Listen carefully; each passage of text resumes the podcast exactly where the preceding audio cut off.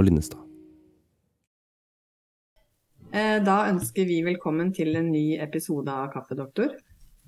Eh, Og i dag eh, er vi så heldige å ha med Hilde Bondevik, som er professor på Institutt for helse og samfunn.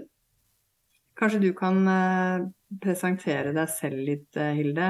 Hva, hva du gjør i det daglige, og hva du Tusen takk, og tusen takk for at jeg fikk komme hit, da. Ehm, jeg er på Institutt for helse og samfunn på Det medisinske fakultetet, men har ikke noe helsefaglig bakgrunn. Jeg er idéhistoriker, og har også vært Eller skrev doktorgraden min på Senter for kjønnsforskning. Så det er litt sånn idéhistorie og kjønnsforskning som er litt bakgrunnen min. Og på i hverdagen min så skal jeg få lov å være humanist og ta med dette inn i medisinsk og helsefaglig forskning og undervisning. Du har skrevet en bok om hysteri, er ikke det riktig? Jo, det stemmer. Det, den er basert på doktorgraden min, som var en undersøkelse av hysteridiagnosen i Norge. Eh, fra det vi kaller hysteriets gullalder, som er sånn ca. 1880 til 1910 omtrent.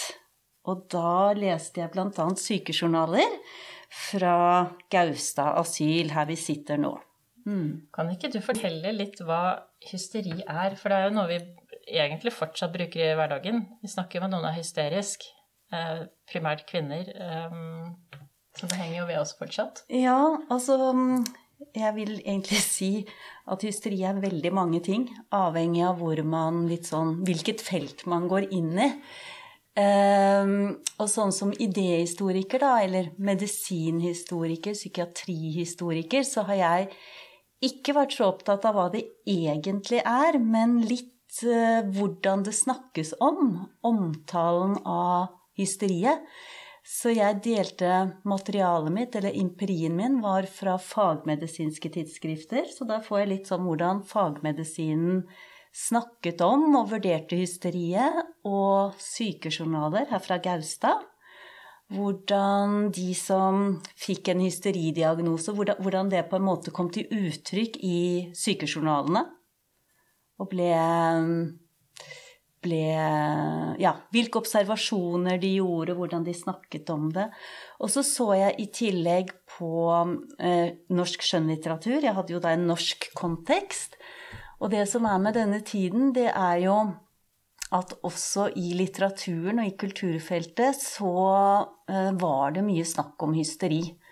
Og det var en del hysteriske figurer, hvis vi kan si det sånn, i, i litteraturen. F.eks. Hos, um, hos Ibsen. Kan ikke du nevne et eksempel på hvordan en hysteriker opptrådte? Hva var det som skulle til for å liksom, komme inn i ditt datamateriale? Ja, jeg har jo med meg ett sitat eh, som, eh, som, jeg leste, som jeg syns Altså som bare tenkte at dette skal bli gøy å jobbe med. Og dette er fra en som heter Ernst Lochmann, som var professor i medisin. Og dette sitatet er fra ja, eh, sånn ca. 1880, litt senere. Og han skriver I den moderne litteraturen er hysterien vel representert ved Nora og Leonarda.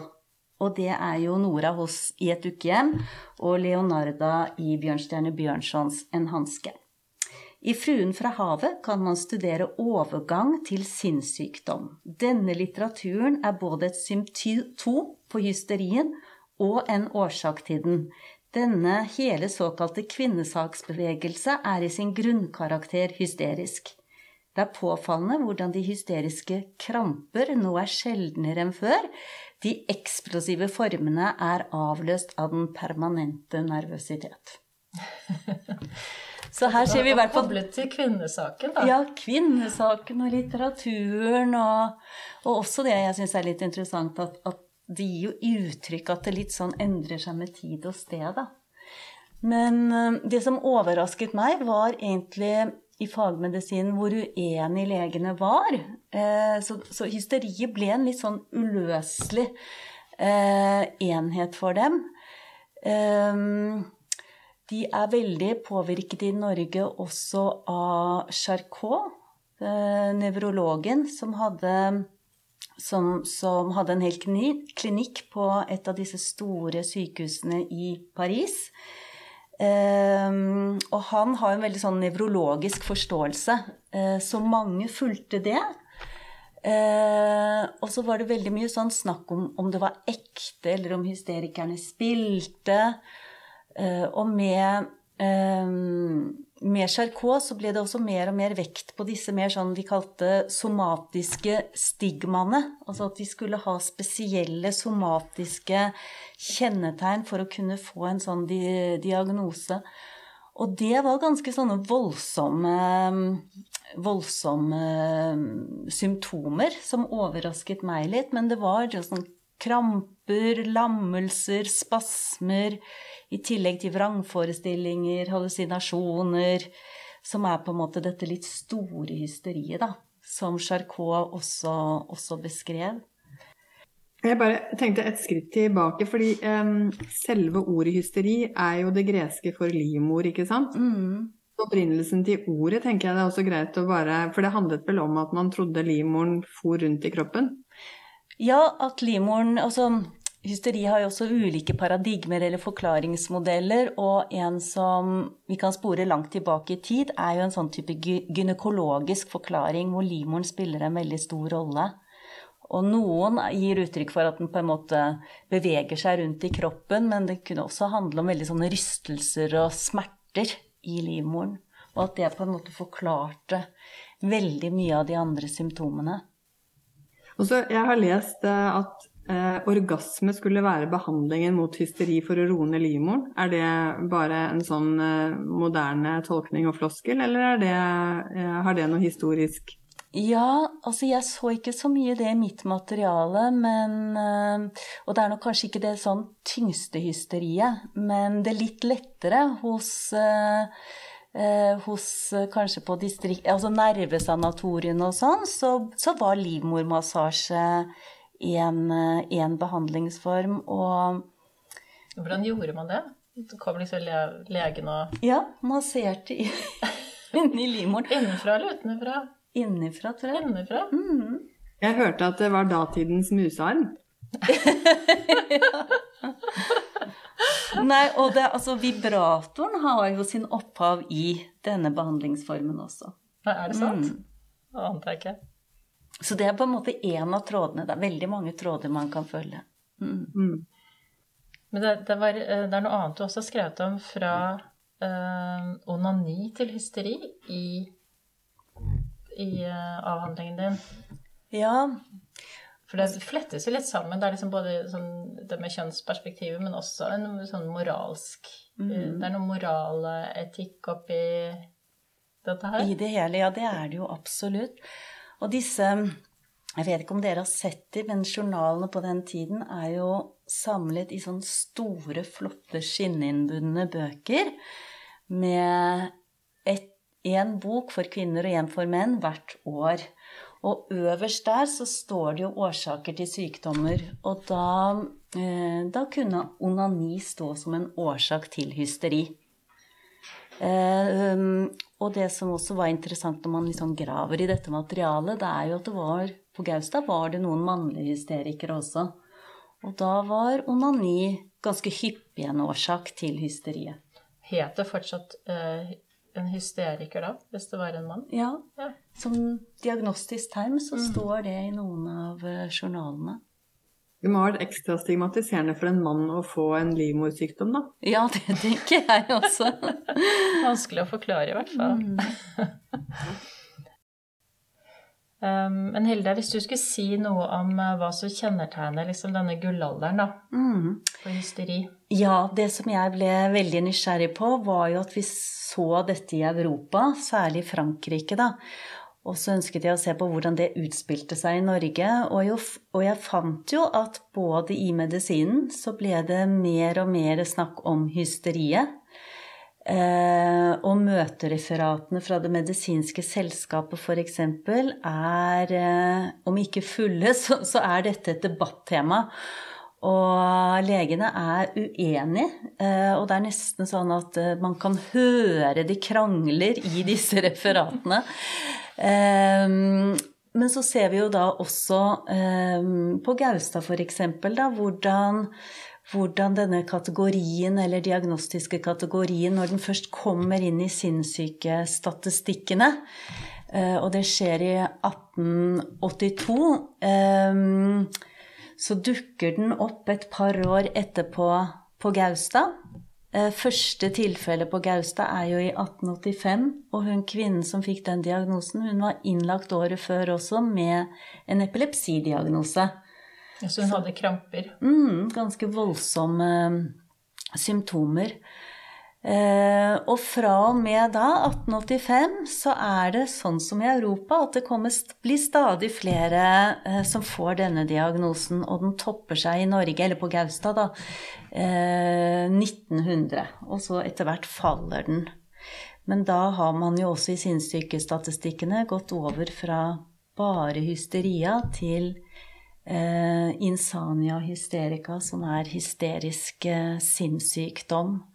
Når var det diagnosen ble avskaffet? Altså, den falt litt etter hvert når man fikk eh, Altså, i Norge så var man eh, påvirket av Kreplins eh, diagnostiske kategorier, og der er ikke hysteriet. Så sakte, men sikkert så, så blir det færre og færre tilfeller, og i jeg tror det er i 1926 ja, hvor den er helt ute av sinnssykestatistikkene. Så jeg syns det har vært veldig interessant å se hvordan, hvordan eh, en sånn type, når man følger en, en sykdom som kategori, eh, kommer og, og, går bort. Kan du ikke si litt om hvordan den ble behandlet på Gaustad? Jo, altså vi vet jo ikke sånn veldig konkret mye, men, men det var en del medikamenter. Det var eh, morfinpreparater, kloralpreparater, mye som handlet om, om avslapping, altså å roe seg ned. Hysterikerne kunne bli veldig utagerende. Hun har også lest sånn i journaler hvordan hun kastet eh, kaffekoppene etter overlegen. Så jeg notert sånn eh, i, i, journalene. Eh, så det handlet veldig mye om å prøve å roe ned, også med, med varme bad. Man brukte jo både kalde og varme bad på, på Gaustad, men det var særlig varme bad som skulle roe, roe ned hysterikeren. Men ellers så inngikk jo også behandlingen litt i sånn asyl er tenkt, da. Ikke sant? Med at asylet Gaustad lå i landlige omgivelser. At man var borte fra familien sin. Eh, hadde, hadde grøntarealer. Eh, man fikk, hvis man var frisk nok, oppgaver å gjøre. Så det var også en del av, av eh, behandlingen. Så man noe klasseskille? At det var liksom Var det mer i overklassen, holdt jeg på å si, middelklassen? Eller Nei, var det, det ikke det. Ja, ikke det jeg har sett. Ikke på Gaustad, men, men mer sånn på disse nervesanatoriene så var det, var det jo litt sånn eh, kvinner fra, fra, Godt bemidlede kvinner ja. eh, fra, fra borgerskapet. Mm akkurat sånn parallelt da med, med, fagmedisinen og asylet, så ser vi det også i litteraturen. Og det er jo Jeg nevnte Ibsen. Flere av Ibsens, uh, Ibsens uh, skuespill, ikke minst Hedda Gabler. Uh, og det jeg gjorde da, var jo å se hvordan på en måte de symptomene som ble beskrevet i um, medisinen, ble plukket opp av Ibsen i denne fremskrivingen av Hedda Gabler. Og i de nedtegnelsene han skrev selv til stykket, så sa han, eller så skrev han bl.a. at eh, det er hysteriet som motiverer Hedda til alt hun gjør. Ja, så der lå det litt sånn under.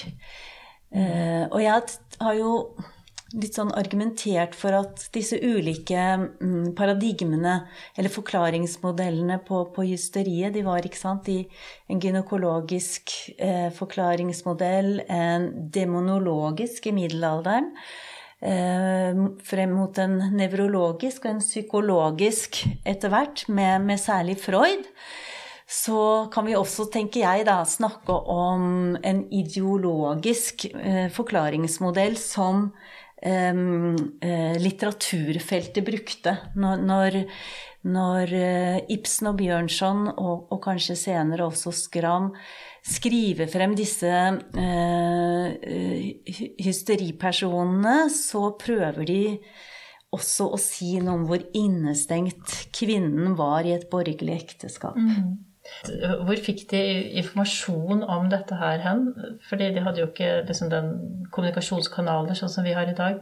Var dette sånn som man leste om i, kunne man lese om Hysteriavisen? Hvor de, hvordan visste de om dette her? Ja. Amalie Skram hadde jo egen erfaring. Men... Ja, og hun er jo litt senere enn de andre. Men eh, denne Charcot som jeg har, har, nevnt, han hadde jo store sånne eh, er framvisning av hysteriske pasienter f.eks. Og der strømmet jo intellektuelle fra hele, og, og, leger selvfølgelig, fra hele Europa for å se hvordan dette hysteriet innspilt, uh, utspilte seg. Og der var jo også f.eks. Bjørnstjerne Bjørnson. Så de møtte opp for å se på å som se en slags uh, forestilling? En forestilling, rett og slett. I dette stykket som heter Over evne, da, som handler om Clara Sand sang som ligger lam eh, i sengen sin, så er det helt bak i um, Altså sånn helt til slutt i boken så står det at uh, Bjørnson så har han referanser til, til Charcot. Uh, så, så, det var på en måte et tema i kulturen også. Og Ibsens livlege, Bull, han han holdt jo bl.a. foredrag i, for Norsk eh, kvinnesaksforening om hysteri, og brukte da eh, både ja, eh, et dukkehjem og, og Fruen fra havet som eksempler for å si noe om hvordan dette kunne utspille seg. Hva tenker du om stigma knyttet til hysteri? Hvis du tenker på, eh, altså I dag så er det jo ganske mye heftet ved det uttrykket. Mm. Eh, var det like stigmatisert eh, rundt eh, århundreskiftet, 1900-tallet, som, som, det er nå?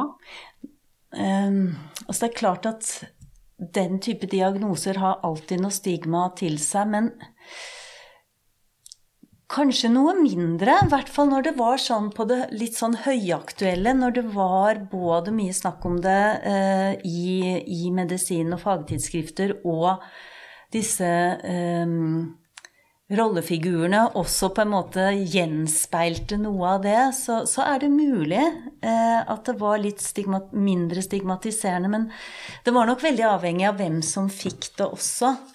Uh, og det er jo en del mannlige forfattere, altså franske mannlige forfattere, Baudelaire f.eks., som bruker denne diagnosen aktivt om seg selv. Og det er jo litt sånn for å vise litt sånn forfinede hvordan han tar inn sansene, hvordan han er opptatt av tingene rundt seg, hvordan han er litt sånn nervøs. Og, så både han og Flaubert snakker om seg selv som hysterikere minner jo litt om hva man kan oppleve kanskje rundt bipolardiagnosen noen ganger i dag, hvor det er også en litt sånn myteoppspunnen diagnose. Mm. At du kan uh, oppleve enorme mengder med kreativitet og uh, ja, kraft, energi, uh, tenke annerledes enn andre. Um, og vi har jo også kunstnere som på en måte har gått foran og sier de har diagnosen og som er gode rollemodeller. Mm. Ja, det tror jeg er en liten parallell. Samtidig som disse diagnosene også noen ganger kan virke stigmatiserende ikke sant? Mm. for de som, som, har det. Ja, litt mm. avhengig av kanskje både hvilken sosiale kontekst du kommer fra, men også hva du eh, Hvilken kjennskap du har til dem, da. Mm. Men du har jo også vært litt opptatt av det, hvordan diagnoser har skiftet opp gjennom tidene. Mm. Denne diagnosen her, hysteriet, har jo ja, man fant den i gamle papirhusruller opp og til, men, men er jo en diagnose fra, fra, antikken. Og så får man på en måte en ny Den var der ganske sånn gjennomgående eh, i eh, middelalderen og renessansen også, men så får den en ny sånn oppblomstring på, med Charcot særlig, da, på 1870-1880-tallet. Og så faller den litt. men Eh, selv disse i altså DSM, de første utgavene av disse manualene, har jo bruker jo disse kategoriene. Etter hvert så blir de litt mer finmasket, og at det også blir litt mer sånn adjektiver. Histrionisk personlighetsforstyrrelse, der er det jo adjektivet. Og her har jo Freud også vært viktig. Hysteriet jo, var jo en veldig sentral diagnose for Freud. Og flere vil jo si at det er på en måte um, noe av utgangspunktet for hele psykoanalysen og, og behandlingen. Og, og, Freud var jo også hos Charcot, da. Og, og, var med på disse ja, både utredningene og forelesningene og forestillingene om, om hysteri. Men, men, for Freud ble jo mer det psykiske eh, tydeligere.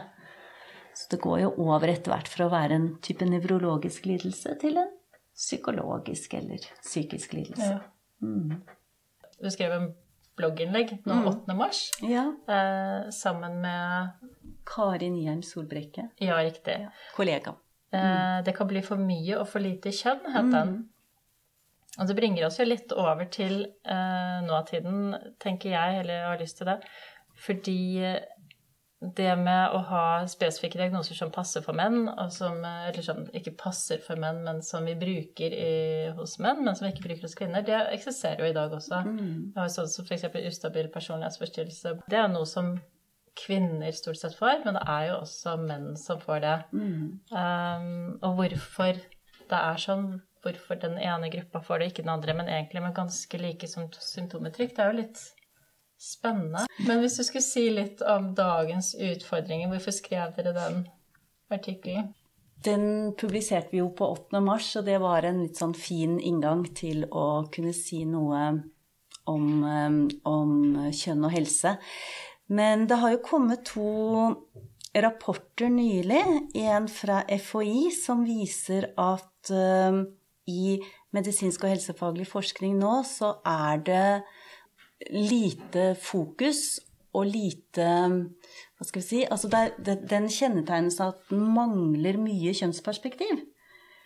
Og det er jo sånn, det undret meg litt at fremdeles i dag så, så, er det så mange studier som designes sånn at kjønn på en måte er radert bort. Um, og så kommer jo også nå, rett før 8. mars, den nye kvinnehelsemeldingen. Um, som jo har en tittel som Skal vi se Den store forskjellen om kvinnehelse og betydning av kjønn for helse. Så der har de jo lagt vekt på Ja. Tanken er vel bl.a. At, um, at de mener at kvinnehelse er veldig underprioritert. De siste tiden så har vi f.eks. sett, um, sett mye om, um, om endometriose, f.eks., som jo er et ganske sånn Det er ikke så lenge siden det dukket opp i mediene. Så, så da tenker jeg at hvis det ikke er uh, med for lite kjønn, da, at det er en del um, forskning som ikke tar høyde for, for kjønn, og den betydningen det har i utprøving av ulike behandlinger, eh, medisiner, Eh, og hvordan de ulike kroppene våre eh, reagerer litt forskjellig. Jo, vi har jo flere eksempler også på andre tilstander, sånn som f.eks. Eh, det med at hjerneslag hos kvinner ser annerledes ut enn menn. At vi ofte også kan mistolke hjerteinfarkt hos kvinner som ser annerledes ut enn hos menn. Det er ikke fordi vi ikke vet det, men symptomene er mindre kjent, da, hva vi skal se etter isteden. Eh, og man kan jo også undre seg om Hvis man gjorde en undersøkelse, uh, vil se at det er en del kvinner som rett og slett har fått ganske dårlig behandling opp gjennom tiden fordi det er oppdaget senere. Fordi symptombildet er annerledes. Og så var det jo også Jeg husker det sto i eh, en liste, var vel publisert i Aftenposten. Det var noen som hadde sett på hvilke diagnoser er, har høyest status, og hvilke har lav status. Og da jo, kommer jo en del av disse typiske eh, kvinnesykdommene, eller i hvert fall sykdommer hvor eh, kvinner er overrepresentert, kommer ganske langt ned på lista ofte.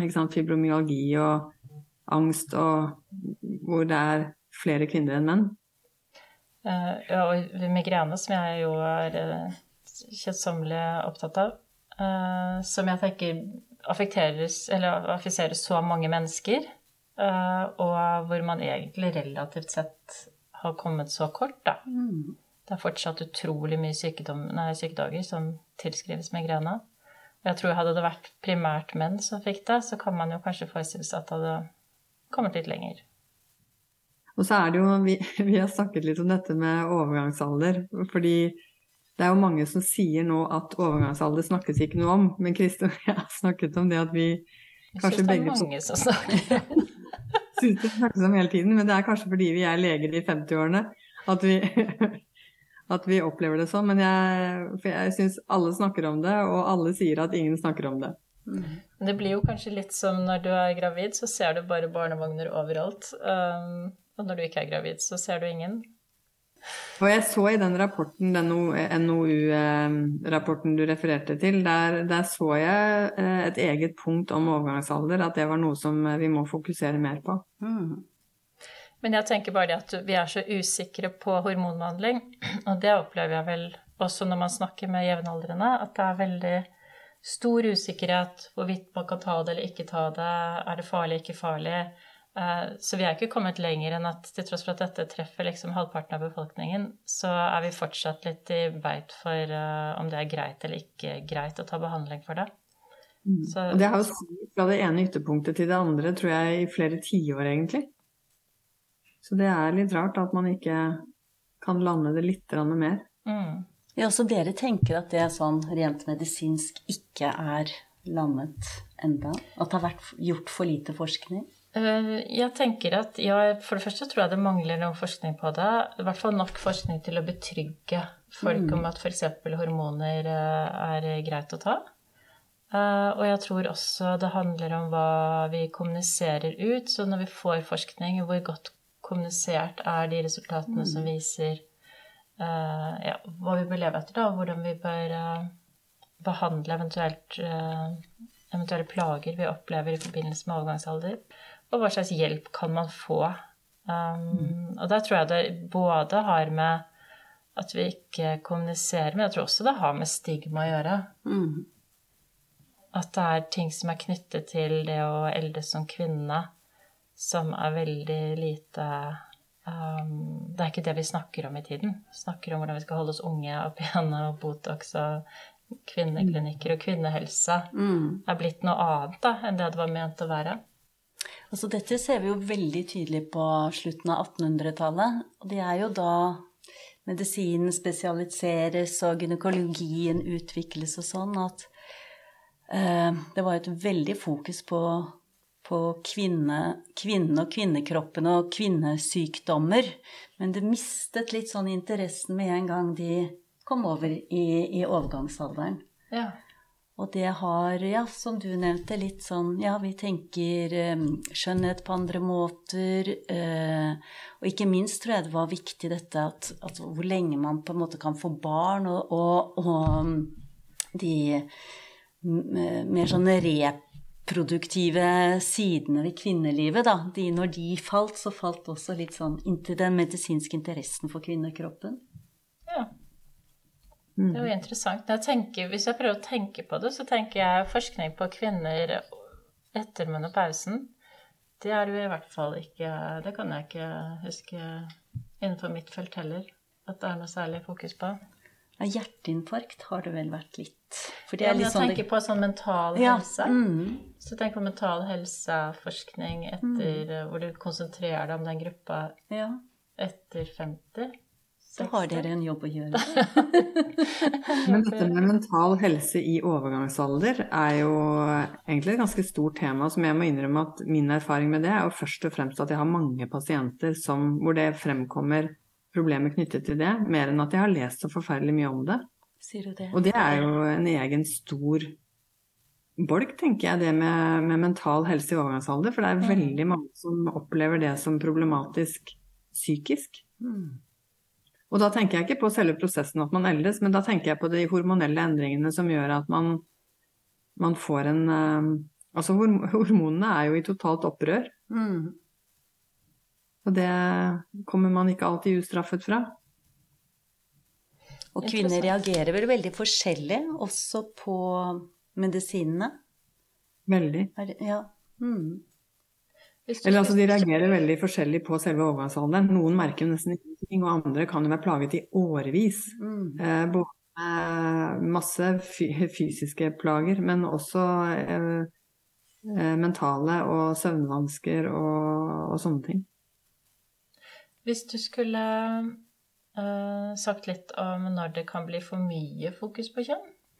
Ja, altså jeg tenker jo Den perioden jeg har forsket på, så, så, jo på, så var det jo en veldig sånn forskjellstenkning. Nesten en sånn toartstenkning. Um, og, og, utover sånn 1800-tallet så tegnes jo kjønnsrollene skarpere og skarpere. Før hadde man hatt Tenkte man mer sånn kanskje nesten litt mer sosiologisk, men eh, fra 1870 så, så tegnes de sånn biologisk skarpere.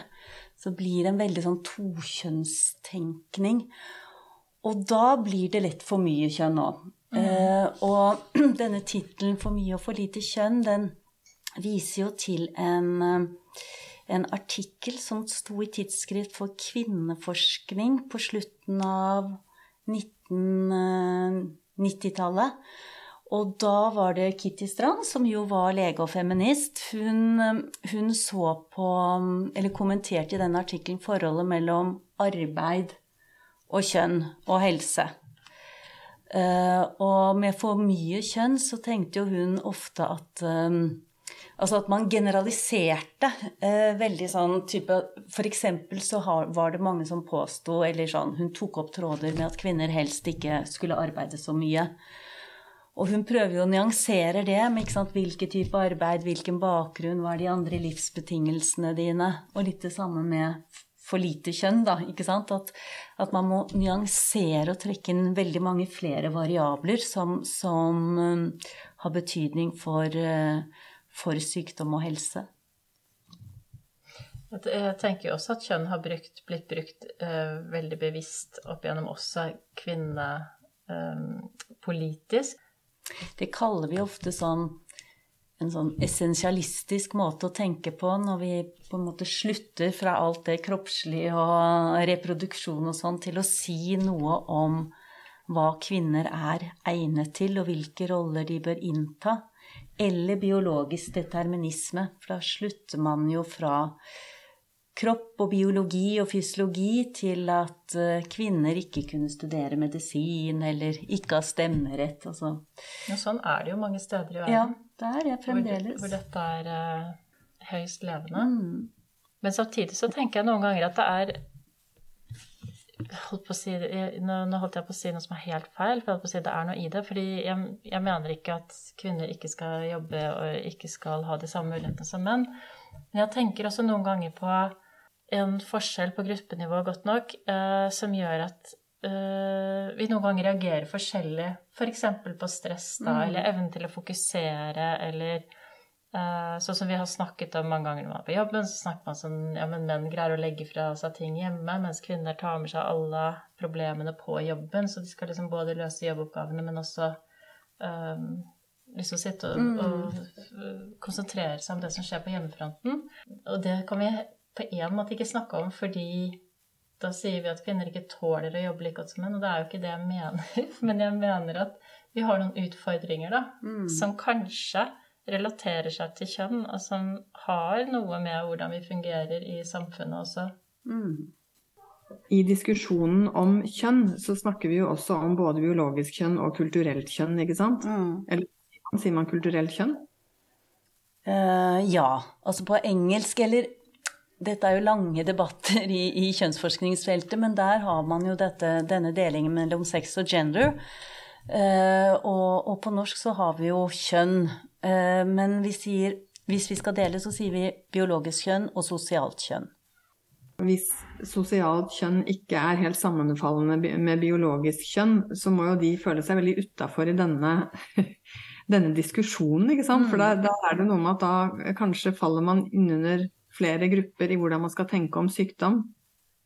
Fordi man kommer jo ikke unna de hormonelle påvirkningene f.eks., eller eh, det man eventuelt vet om forskjeller i hjernen eller utvikling. For da, nå snakker du om det å ha en annen kjønnsidentitet, f.eks.? ja, hvordan, hvordan passer det inn i denne tankegangen om for mye og for lite kjønn i forskning? Mm. Det er jo en del Jeg har eh, snakket med en del eh, som er veldig bekymret for én side ved, ved den litt sånn bredere forståelsen av hva kjønn er, da. Og det er jo hvis man skal på en måte ha, en, ha flere kategorier eller transkjønn. At det er noen sider ved kvinnekroppen og noen sider ved mannekroppen som, som man på en måte ikke kommer forbi.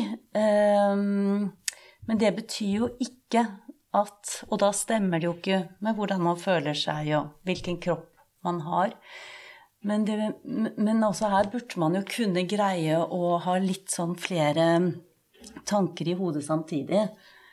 Og forsøke å Jeg tror det handler veldig om å, å ta disse individene på alvor og lytte og, og ikke prøve Eller prøve å ikke være så kategorisk, da, at ikke alle faller inn under disse kategoriene. Samtidig må vi jo ha med oss at, at det er noen helt vesentlige forskjeller. Jeg tenker Det er noe med å anerkjenne den subjektive opplevelsen. Mm. Hvis jeg har en subjektiv opplevelse, så er, har jeg den. Det kan mm. ikke du på en måte ta fra meg. Uh, og det er ikke din oppgave å ta den fra meg heller. Men man kan jo diskutere da kjønn på flere nivåer. Mm. Uh, fordi hvis det også handler om vedkommendes livmor, så er det tross alt en livmor. Mm. Uh, den er der. Uh, skal den vekk eller ikke vekk? Eller, det er jo mange problemstillinger rundt dette, men vi har liksom noen faktating som handler om nivået av hormoner og hvordan kroppen er bygget opp. Men så har vi det som foregår inni hjernen. Skal være forsiktig med mm. å være sikker på hva andre tenker og føler. Mm. Det er veldig fort gjort å tråkke feil. Ja, samtidig så tenker jeg kanskje vi gjør det vanskeligere enn det er, da. Jeg tror jo noen ganger, eh, meg selv inkludert, at eh, man kan liksom grunne for mye over ting istedenfor av og til å godta, godta andres opplevelser. Og så kan man heller være nysgjerrig. Eh, det er lett å som går inn i ens egen eh, et, et, et, ja, Bruke sitt eget verdensbilde da, mm. som speil. Tror jeg er veldig godt poeng. Mm. Mm. Hvis du skal si eh, noe, Hilde, om hva som du har, du har, jo forsket på dette her i flere år. Um, hva, er det, hva, hva syns du er mest spennende rundt dette med kjønn, og sett i et historisk perspektiv? Så jeg syns det er veldig spennende å se hvor mye altså Nå snakker jeg mer historisk enn i dag, men hvor mye um, språket vårt og kulturen vår er med på å forme uh, forestillingen om, om, kjønn også i medisinen uh, og biologien, som skal være litt sånn rene vitenskaper. Fri fra eh, subjektive um, forhold. At, at det liksom likevel At man ser så mye mye hvordan altså språket og kulturen og forestillingene våre om, om, femininitet og maskulinitet er på en måte med ned i eh, teorien og forskningen som mener å være litt fristilt fra det. Kan du gi noen eksempler? Jeg tenker f.eks. hvordan hysteri da, eh, både på en måte kan være er, var en atferdsbestegnelse, men også en metafor for hele det kvinnelige. Eh, at det ble en måte å snakke om kvinner på, og at man også sånn forventet at kvinnen var hysterisk i bestemte situasjoner. Så det blir nesten sånn likhet mellom hvordan en kvinne defineres, og eh, en metafor om kvinnelighet som, tenk, som, som, var veldig sånn urolig, nervøs, eh, koketterende. Eh, så det er jo ett, et eksempel. Mm. Mm. Um, nå har det jo kommet to rapporter. Hvor, hvordan tror du fokuset blir på dette i årene som kommer, hvis du skal se sånn fra et forskningsperspektiv? Nå vet jeg at du er historiker, men hvis du skal liksom eh, Jeg tenker at um, det snakkes mer om kjønn, eh, både tror jeg, i eh, dagliglivene våre, hvilken betydning det har, men også i medisin- og helsefagene.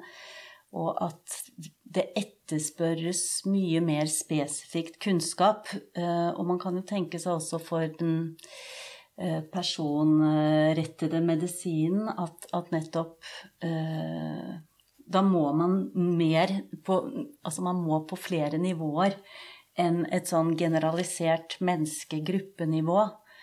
Uh, og når vi vet mer og mer om at disse kroppene våre reagerer litt ulikt på medisiner osv., så, videre, så så vil jeg tro det. Uh, jeg tror det er en større bevisstgjøring om det, og at, at kanskje flere studier vil ha et design som, som fanger opp det. Vi kan jo kanskje håpe at det blir veldig mye spennende ny forskning? Ja, det ligger mange muligheter her.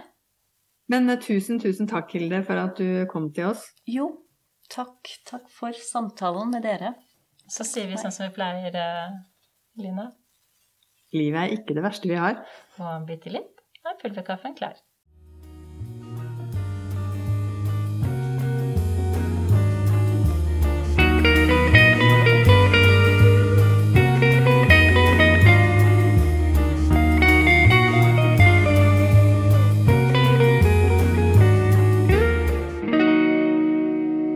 Kaffedoktor med Rom og Linnestad.